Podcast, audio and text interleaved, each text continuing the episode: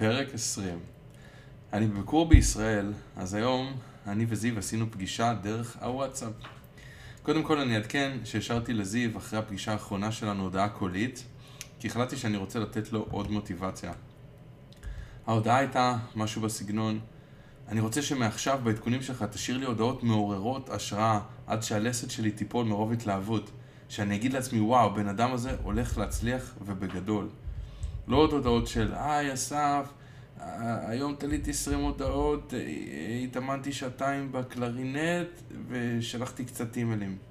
אלא הודעות יותר בסגנון של, היי אסף, היום קמתי בשעה שמונה בבוקר, בשמונה וחצי כבר הייתי בחוץ, תליתי 200 הודעות לשיעורי קלרינט עד שנגמרו לי, אחרי זה הלכתי להדפיס עוד מודעות ואז עשיתי הפסקת צהריים קטנה, התאמנתי שעתיים בקלרינט, ואז ישבתי לחפש אימיילים של מועדונים להופיע בהם, ועשיתי רשימה של 20 מקומות, כבר שלחתי אימיילים לעשרה מהם, אחרי זה עשיתי ספורט, והפסקה קטנה לארוחת ערב, ואז בלילה עשיתי פוסטים בפייסבוק על שיעורי קלרינט ועל ההרכב שלי.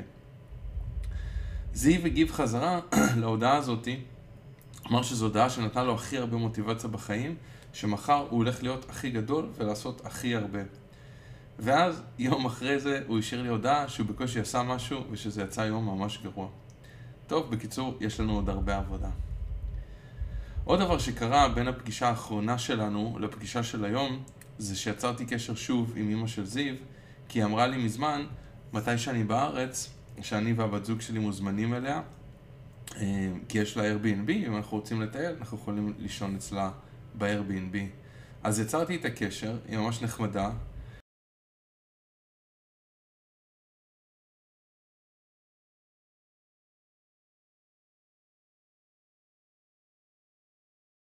תכננו טיול מרחובות לאזור צפת, וככה נשארנו לישון אצלה.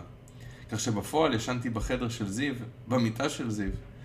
צילמתי לו תמונות שלי עם אמא שלו, ועם שתי האחיות שלו, ועם הבעלים של המקום של פלאפל שהוא אוהב, וגם תמונה של החדר שלו. זה היה מרגש.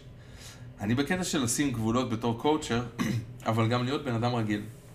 כלומר, שזה סבבה בנוסף לעבודה שלנו ביחד, גם להיות חברותי גם לצאת מעבר למעגל הטיפולי, כי אחרי הכל זה לא טיפול פסיכולוגי, ואני מאמין שאפשר לעשות דברים גם מחוץ לקופסה וליצור קשר בגבול מסוים, גם מחוץ לחדר הקואוצ'ינג. אז הכלל הוא לשמור על דיסקרטיות, לא לספר כמובן לאימא שלו על מה שאנחנו עושים כי זה חסוי, ולא לאף אחד אחר, אבל למה לא להיות חברותי? אני איש של אנשים, לכן גם הגעתי לתחום הקואוצ'ינג, לעבוד עם אנשים, לעזור לאנשים, לתקשר עם אנשים. בכל מקרה, כך יצא שהלכנו ביחד, אני והבת זוג שלי, ואימא של זיו, והבן זוג שלה, להופעה. וגם ביום שאחרי זה ישבנו כולנו שוב ביחד לאכול כנאפה איפשהו, וזיו התקשר באמצע לאימא שלו, ואני עניתי לו לטלפון במקומה, ובצחוק אמרתי לו שחטפתי את כל המשפחה, ועד שהוא לא עושה את כל המשימות שלו אני לא מחזיר לו אותם. בקיצור, היה ממש נחמד.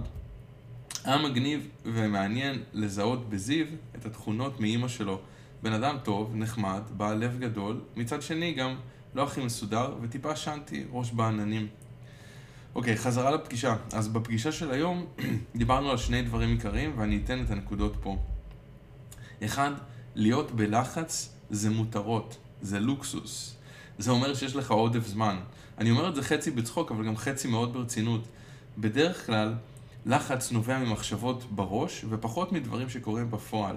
כך נוצר מצב שבן אדם יכול לשבת לו במרפסת, לדמיין שאולי הוא ייפול, וככה להיות בלחץ. בשביל לחץ צריך זמן. צריך להיות פנוי כדי להיות לחוץ. כשאני בלחץ זה בעיקר בימים שיש לי פחות מה לעשות ואני יותר מתעסק בטפל. וגם יושב וחושב מה עם זה, מה עם ההוא, מה יקרה ככה, או מה יהיה ככה, או מה יהיה עם זה, או מה יהיה עם זה. בדרך כלל כשאני עסוק ועושה דברים, אין לי זמן פשוט ללחץ. דיברנו על הנושא הזה. כי הרבה פעמים זיו משאיר לי הודעות כגון, אסף, אני ממש לחוץ בקשר לטפסים של העבודה, או בקשר למשהו אחר שהוא מגיש, או בקשר לרעיון, או בקשר לכסף. ובעצם הוא מכניס את עצמו ללחץ מדברים שעוברים לו בראש. מה שקורה, הלחץ משתק, או מוריד את רמת העבודה, או סתם ממלא את הראש ולא נותן לך לעבוד, או להתקדם, או להיות יצירתי, או להיות פעלתני. היום אמרתי לזיו שלהיות בלחץ, זה אומר שיש לו עודף זמן, והוא הסכים. תחשבו על זה בפעם הבאה שאתם בלחץ. רוב הסיכויים שהחיים שלכם טובים ויש לכם עודף זמן. דבר שני, דבר שני שדיברנו עליו כמה פעמים, זה לשים את העבודה כעסק עצמאי במרכז. ולפנות לזה זמן ולשים את העבודה גבוה בסדר החשיבות, סדר העדיפות. לא הגיוני שזיו יגיד, אני ממש בלחץ השבוע, לא עשיתי הרבה, כי אני צריך לברר משהו בקשר לאיזה טופס. או להגיד, השבוע לא עשיתי הרבה כי יצאתי עם חברים אחרי חזרות שעשינו. או להגיד, ברגע שיגמר כל הסיפור עם ההרשמה ללימודים, אז אני אחזור לעשות יותר. כי מבחינתי, לעבוד על העסק שלך זה מחייב לפחות 7 או 8 שעות ביום. ואם זה עסק חדש, אז לעבוד בו כל יום, גם בסופי שבוע, גם בלילות. אם אתה נגיד עובד בבנק, אתה לא אומר לבוס שלך, אה, השבוע יש לי קצת לחץ כי אני צריך לברר דברים לגבי מעבר דירה, או במקום לעבוד מ-9 עד 5, אני אגיע ב-12 ואעזוב כל יום ב-3 השבוע. זה פשוט לא עובד ככה. אם יש לך בית קפה משלך למשל, שאתה עובד בו כל יום, אתה לא תגיד, אה, טוב, הבית קפה יהיה סגור בשלושה ימים הקרובים כי אני בלחץ ממשהו. אותו דבר מבחינת עסק עצמאי שאתה צריך לפרסם, להתאמן, לתלות מודעות, למצוא מקומות להופיע, אתה לא יכול פתאום לסגור את העסק או לעבוד בו רק שלוש שעות ביום. זו צריכה להיות עבודה רציפה וקבועה, בדיוק כמו כל עסק אחר שהיית עובד בו. ולהגיד, טוב, השבוע לא היה משהו כי הייתי בלחץ או עייף או לא יודע מה, זה לא הגיוני.